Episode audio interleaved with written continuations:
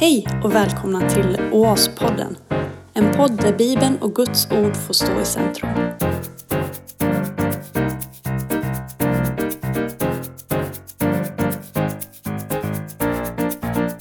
Tack så mycket för det.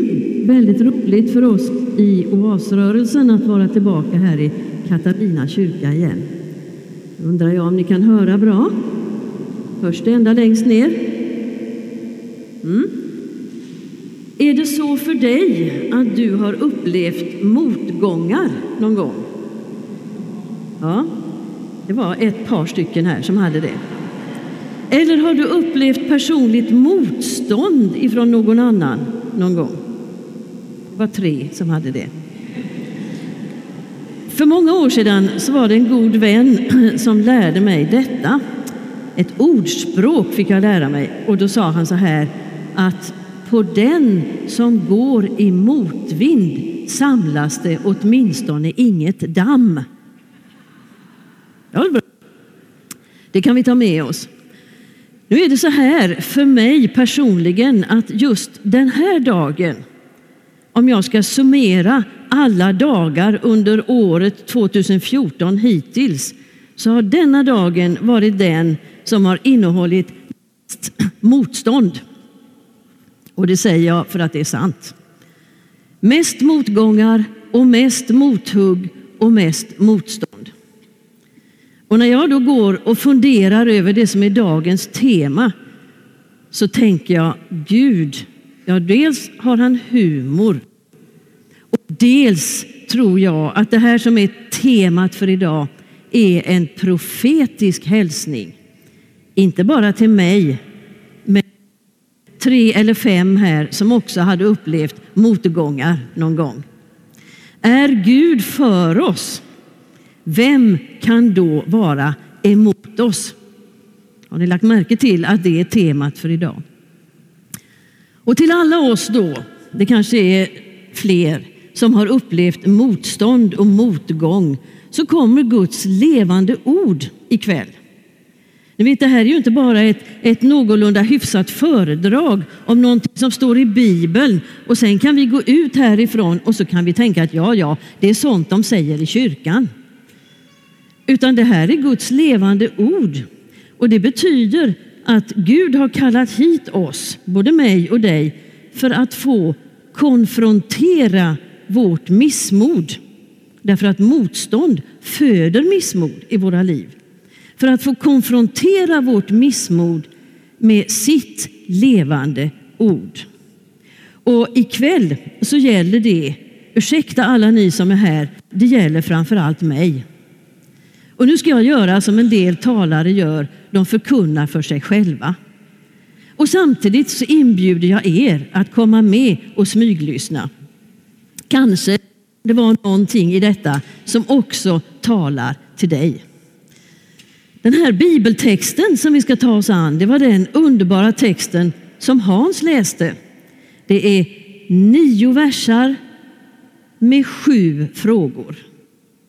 Nio versar ifrån Romarbrevet 8, vers 31 till 39. Nio versar med sju frågor. De tre första frågorna de är vad man skulle kunna kalla retoriska, alltså i själva frågan ligger svaret inbäddat.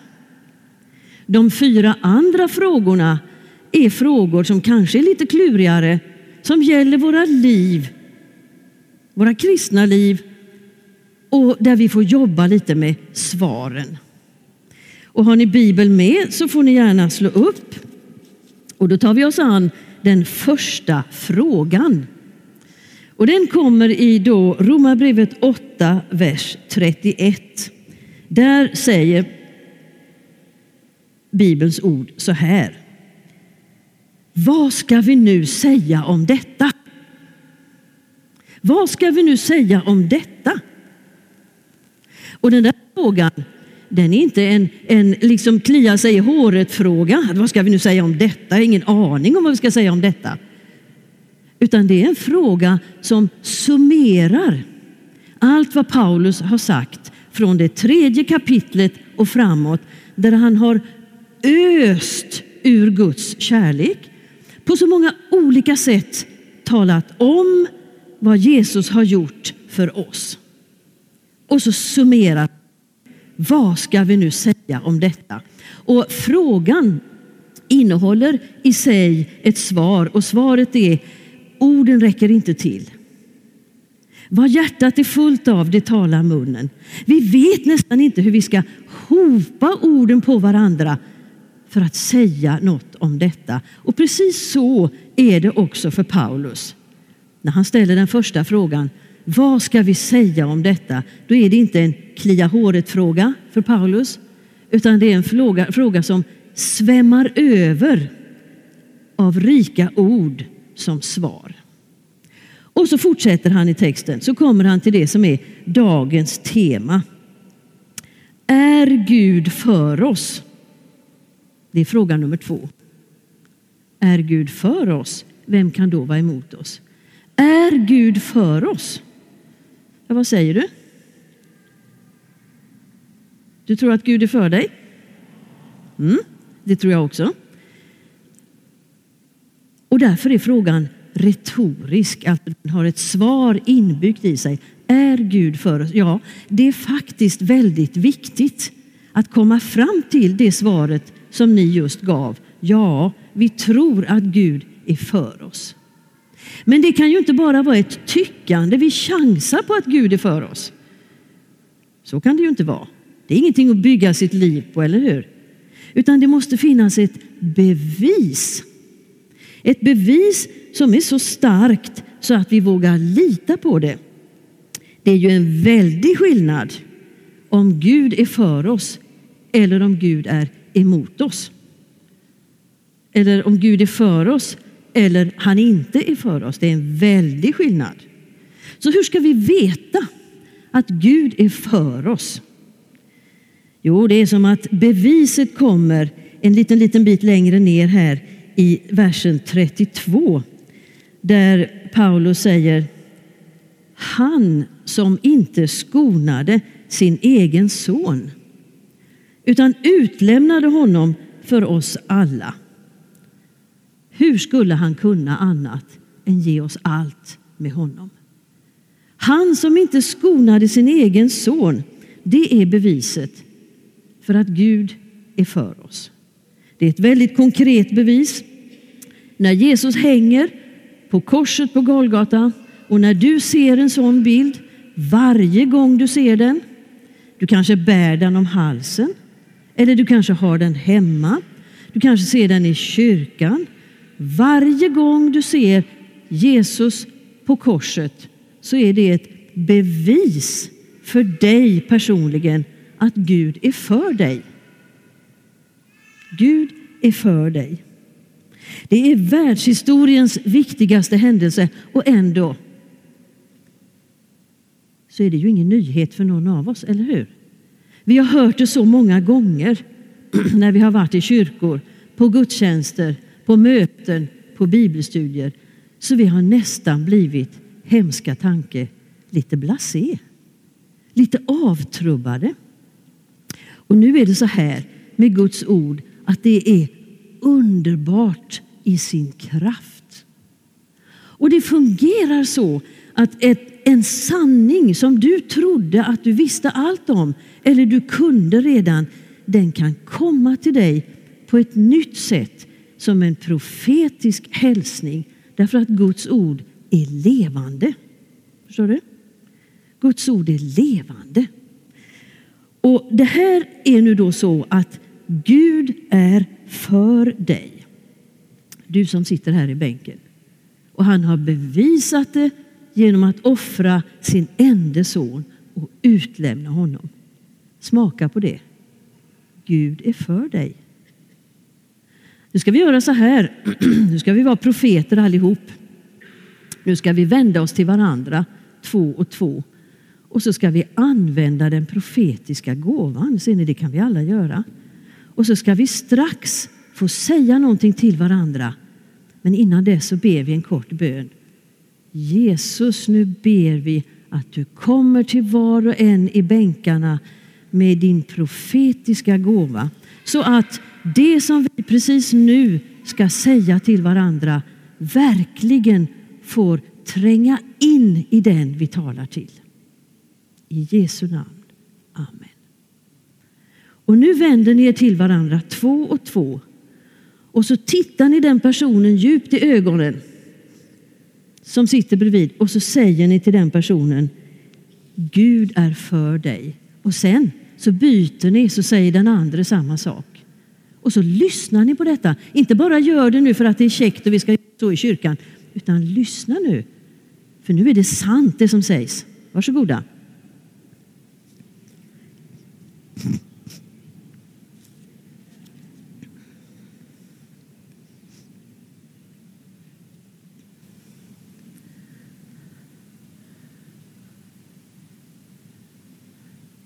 Mm. Och så gör vi en sak till. Nu sitter vi alldeles tysta och så säger vi ingenting till den bredvid. Utan nu säger ni samma sak till er själva. Tyst inuti er. Ni säger så här. Wow. Tänk att Gud är för mig.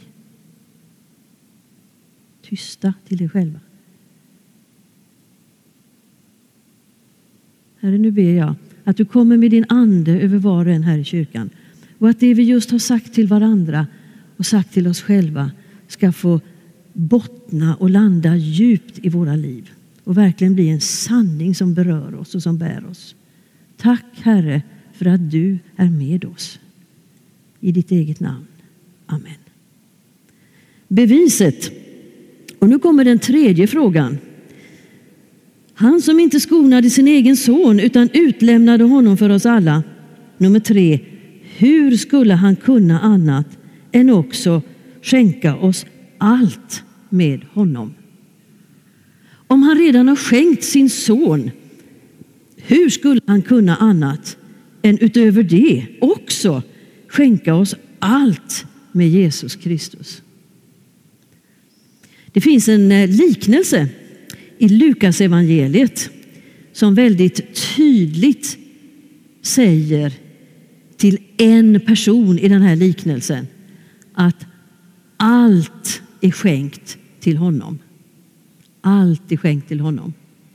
Och det är berättelsen, ni kommer ihåg den, om den hemmavarande sonen i Lukas 15. Han som var som du och jag är mest, lite tråkig, lite trist, gick och harvade där hemma, flyttade stolar, satte blommor på altaret, gjorde de vanliga sakerna i Guds rike. Och så kommer den här förlorade sonen hem och så blir det fest i huset medan vi gamla vanliga fortfarande går där och inte är särskilt glada. Så var det för den hemmavarande sonen. Men till den pojken, just till honom, så säger Gud själv, Fadern som kommer springande ut från fadershemmet. Han säger, mitt barn, du är alltid hos mig och allt mitt är ditt. Det är samma löfte. Du är alltid hos mig och allt mitt är ditt. Hur skulle han kunna annat än också skänka oss allt med honom? Det var de tre första frågorna. Vad ska vi säga om allt detta? Är Gud för oss? Och hur skulle han kunna annat än också skänka oss allt med honom? Nu kommer de fyra andra frågorna. Och det märkliga med de frågorna är att de startar med samma ord. De startar med ordet vem. Alla fyra frågorna. Vem? Och Det där är viktigt att notera därför att egentligen, om vi läser innehållet, så borde de på flera ställen starta med vad istället. Men vem? Vem kan hindra oss? Vem fördömer? Vem anklagar? Och jag tror att vi här ska lägga märke till att det som drabbar oss som kristna inte bara är alltid en samling olyckliga omständigheter utan att det finns ett vem.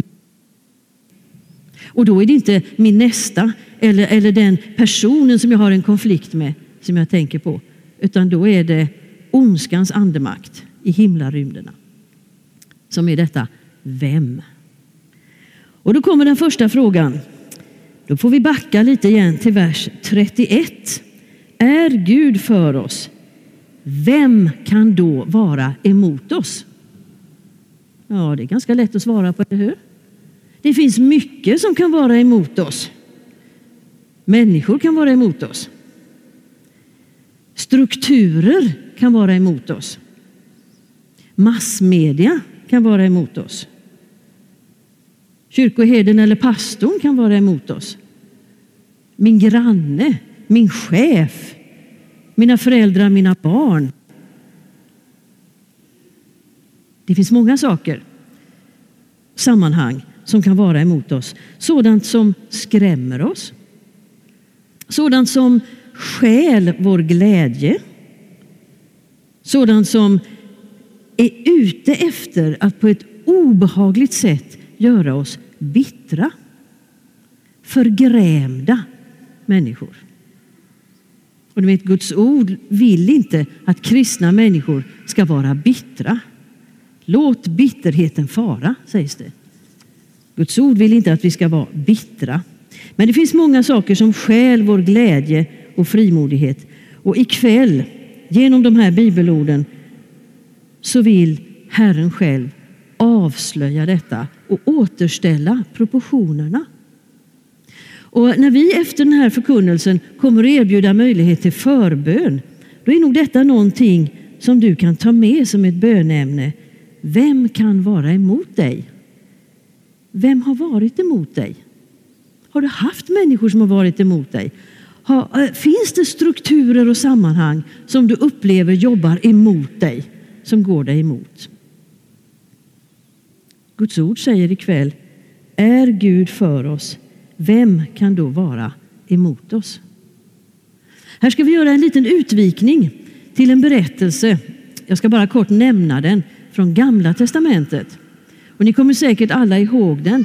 Det är berättelsen om David och Goliat. Ska vi göra så här att ni vänder er till varandra, två och två i bänkarna och så får ni en halv minut på er. Jag tar tiden så det blir inte längre.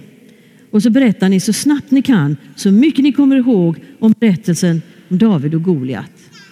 Är ni med? Klara? Färdiga? Gå! Tack så mycket. Var tiden slut? Han ni berätta om att Goliat var jättestor? Mm. Han ni berätta om att David faktiskt osannolikt nog vann seger över Goliat? Kom ni så långt? Mm. Funderade ni över, eller har ni funderat över, hur det kom sig att David faktiskt vann den seger han vann? David var liten, han var oansenlig. Goliat var gigantisk, han var en jätte. Jo, det kom sig av detta. Det är två tänkesätt som möts. Och det ena är Goliats tänkesätt och han säger så här, han har också en fråga i sitt huvud. Han tänker så här, vad förmår David mot Goliat? Det är Goliats tänkesätt. Han ser, ser på Davids ringhet och enkelhet och ynklighet och så ser han sin egen styrka och så tänker han, vad förmår David mot Goliat? Men så kommer David. Davids tänkesätt. Det som jag tror att Herren vill, vill lägga också i våra hjärnor idag, i våra hjärtan. Davids fråga det är denna. Vad förmår Goliat mot Herren? David tänker inte, åh hjälp, hur ska detta gå? Eller vad ska jag, hur ska jag klara detta? Hur ska jag eh, möta den här svårigheten eller omständigheten eller förskräckliga jätten med den lilla kraft jag har? Nej, så tänker inte David. David jämför Goliats kraft med Herrens kraft. Och det är det som gör skillnaden. Och du vet, den kraften som David har, eh, som Bibeln talar om, den kraften har du och jag också. Den bor i våra hjärtan. Nu ska vi lära oss ett bibelord utan till. Tror ni vi klarar det? Bibelordet finns i första Johannesbrevets fjärde kapitel, fjärde vers. Och där står det så här. Han som är i eder är större än den som är i världen. Ni har hört det förut? Mm. Han som är i eder är större än den som är i världen. Och nu vänder det till varandra och så säger först den ene det till den ene, sen säger den andra det till den andra. Jag kan upprepa det en gång till så blir det inte så svårt. Han som är i eder är större än den som är i världen. Varsågoda. Fint. Och så säger vi det högt allesammans tillsammans när jag räknar till tre. Ett, två, tre. Ha.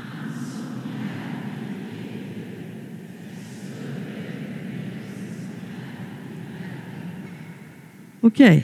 tänk om det är sant. Tänk om det faktiskt är så. Tänk om det är så som Guds ord säger att han som är i eder är större än den som är i världen. Och den som är i världen, det är den onde som det anspelas på. Tänk om det är så här att du och jag går omkring med Jesus Kristus i våra hjärtan och att Guds ord säger att han som är i oss är större än den som är i världen. Den som hotar oss, eh, den som trakasserar oss och den som helst av allt vill skilja oss och Gud från varandra. Ja, tänker du. Men det låter väl jättebra, fast det gäller de andra. Tänker att ja, men det kan inte gälla mig, det måste gälla mera högtstående andliga varelser än sådana som du och jag. Ja, det finns ingen, I min bibel så finns det inget finstilt eller någon sån där stjärna som säger att det gäller alla utom Berit. Och det tror inte jag det finns i din heller. Det här är Guds ord som talar till oss, det är sant. Och vi behöver höra det. Vi behöver bejaka det och vi behöver tacka honom för det. Vem kan då vara emot oss? Är Gud för oss? Vem kan då vara emot oss? Fråga 5 Den kommer en bit längre ner i texten. I eh, det åttonde kapitlets 33 vers.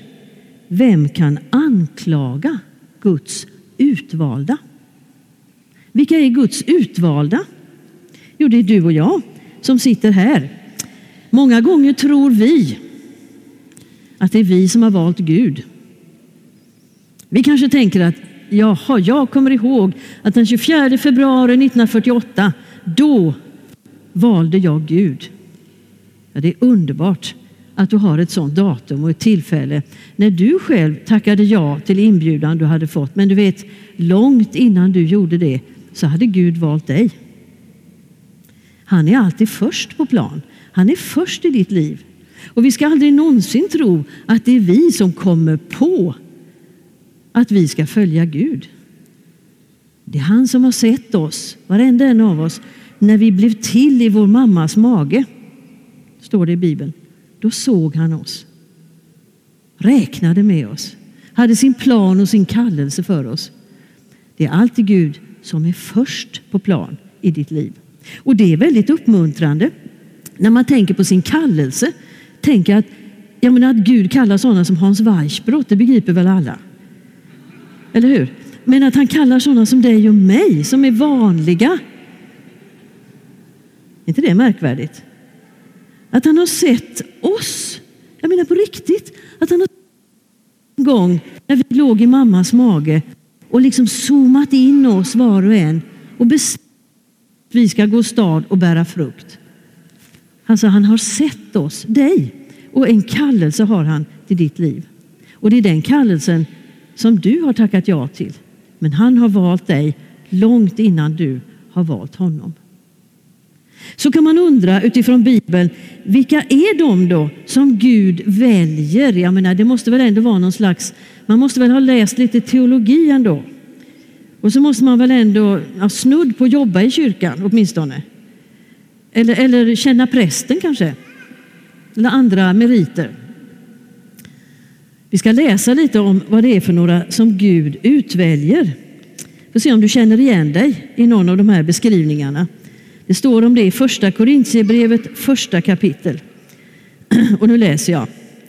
Det som för världen var dåraktigt har Gud utvalt. Vi ska inte göra någon handuppräckning här, men kanske det finns ett par stycken som ibland känner sig som dårar, korkade, dumma, osmarta, bär sig dumt åt, gör bort sig. Det som var dåraktigt har Gud utvalt för att låta det visa stå där med skam. Och det som för världen var svagt har Gud utvalt. Det finns säkert ingen som känner igen sig. För att låta det starka stå där med skam. Och det som för världen var oansenligt och föraktat, det har Gud utvalt. Ja, det som inte var till har Gud utvalt för att göra till intet det som var till. Gud har ett märklig eh, sökprofil när han väljer kristna människor. Svaga, oansenliga, det som för världen inte räknas som någonting, det har Gud utvalt. Och vet ni vad som är fantastiskt med hela det här perspektivet? Man kan hålla ett långt föredrag om det. Men låt mig bara få påminna er om i Petrusbrevet. Också där då så kommer Petrus och så beskriver han den kristna församlingen eh, på lite olika sätt med, lite, med fyra äretitlar. Och det gör han i Petrusbrevet därför att onde är ute efter att få den församlingen att känna sig ynklig och mindervärdig och kass och marginaliserad. Och därför så kommer eh, Petrusbrevet och har fyra beskrivningar. Och bland annat så sägs det där att ni är ett utvalt släkte. Kommer ni ihåg det ordet? Utvalt släkte. Eh, och i den versen där så räknar Petrus upp tre olika eh, ord för det här med släkt, släkte och familj. Utvald kommer, så använder han ett speciellt ord för släkte som på grekiska heter genos. Ni är ett utvalt genos. Och genos, det är samma ord som vi har i genetik till exempel. Det här ordet att vi är ett utvalt släkte, det säger till oss att vi inte bara är utvalda av Gud, utan vi är ett utvalt genos. Det vill säga rent genetiskt så hör vi samman med honom. Så nära, så förbundna med varandra och med vår Herre. Ett utvalt släkte. Och så kommer då frågan, vem kan anklaga Guds utvalda? Ja, det finns två som kan anklaga Guds utvalda. En person som är väldigt bra på att anklaga Guds utvalda, det är personen jag själv. Jag själv. När jag tittar på mig själv, när jag jämför mig med det som jag tycker är idealbilden för en kristen människa, då tänker jag att jag är dålig. Jag duger inte till. Jag kan inte. Jag är inte tillräckligt from. Jag går inte tillräckligt ofta i kyrkan. Jag detta. Och så jämför jag mig med det jag tror att Gud förväntar sig av mig. Jag själv och du själv är många gånger den största terroristen. Den som mest anklagar. Det är därför som Johannes i sitt första brev säger att om vårt hjärta fördömer oss, då är Gud större än vårt hjärta och vet allt. Vårt hjärta fördömer oss. Hjärtat, det är viljan och förnuftet och känslan. När jag liksom gräver ner mig i de där tankarna att jag är oduglig, jag anklagar mig själv, då är Gud större. Han är större än mitt hjärta. Och halleluja för det som står sen, nämligen han vet allt. Han vet allt. Du vet, det är så härligt att vet allt för att och vi behöver aldrig gömma någonting för honom. Vi behöver liksom aldrig ordna till frisyren när vi kommer inför Gud för att vi ska vara lite bättre, för att han inte ska fatta hur vi är egentligen. Ni vet, han vet allt. Är inte det underbart? Ingen annan människa vet allt om mig, inte ens Göran gör det. Och jag vet inte allt om honom, men Gud vet allt om mig och jag tycker det är så skönt. Tänk att han vet allt. Varenda skrymsle, varenda synd, varenda eh, hemsk till och med. Det har säkert ni några, men jag har ett par stycken. Varenda, varenda sak om mig, min historia, varför jag är som jag är, mina smärtor under livets gång. Han vet allt. Och han vet också min längtan. Han vet min önskan att få leva nära honom. Om mitt hjärta fördömer mig så är Gud större än mitt hjärta och vet allt. Ska ni vända er till varandra? Och så tittar ni kärleksfullt i ögonen på den som sitter bredvid och så säger ni Gud vet allt om dig. Och så säger ni tvärtom sedan.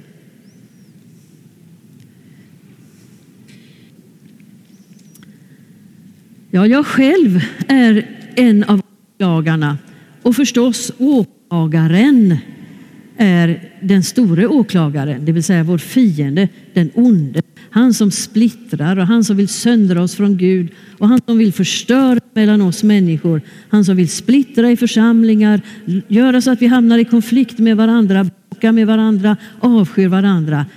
Förstöraren, han är den store åklagaren. Och honom övervinner vi i kraft av Lammets blod. Och det är på grund av att vi har en sån åklagare som vi måste skynda till Jesus, frälsare kär.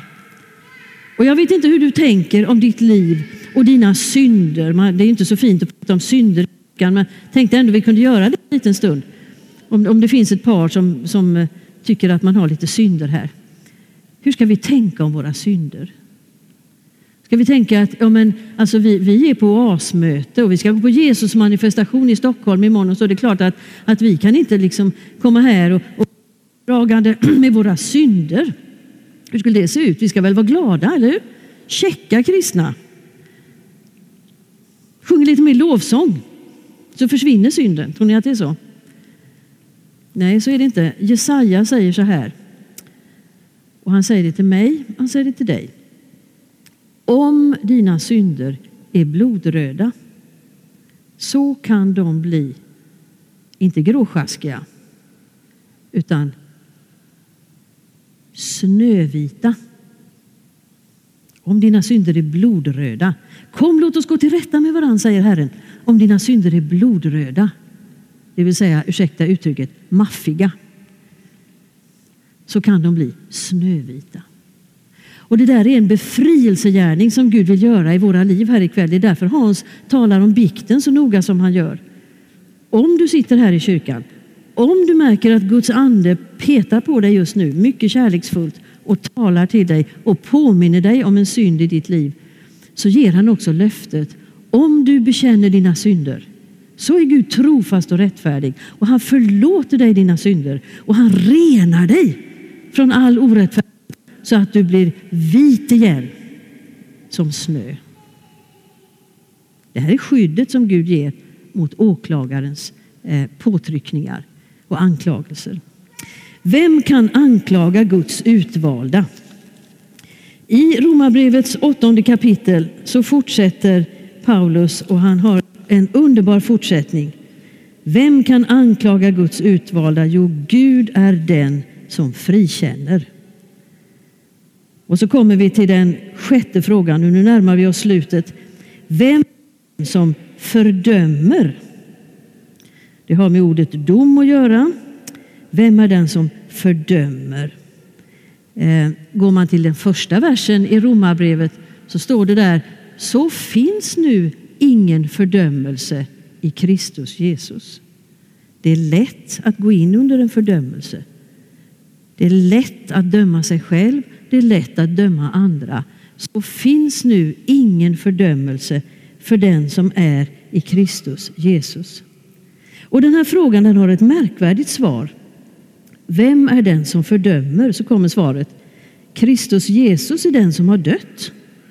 Ja, än mer den som har blivit uppväckt och som sitter på Guds högra sida och ber för oss. Vilket svar! Jesus fördömer inte. Vad gör han? Han för oss. Och kanske sitter du i kyrkan som tänker att ja, eh, andra de är med i bönegrupper och andra har så många som ber för sig. Men ja, jag har säkert ingen som påminner Gud om mig. Det kan vara så att vi upplever det på det viset och då är det faktiskt inte sant. För Jesus ägnar sig åt förbön i himmelen inför Guds tron för oss var och en. Och du ska tänka när du själv går till förbön att förebedjarna gör när de lägger sina händer på och ber för dig, det är liksom bara en, en avglans av det som Jesus gör samtidigt. I den himmelska världen så ber han för dig. Inte i klump för hela världen och miljön och klimatet, utan han ber för dig. Det är du som är intressant för honom. Han har dig i fokus.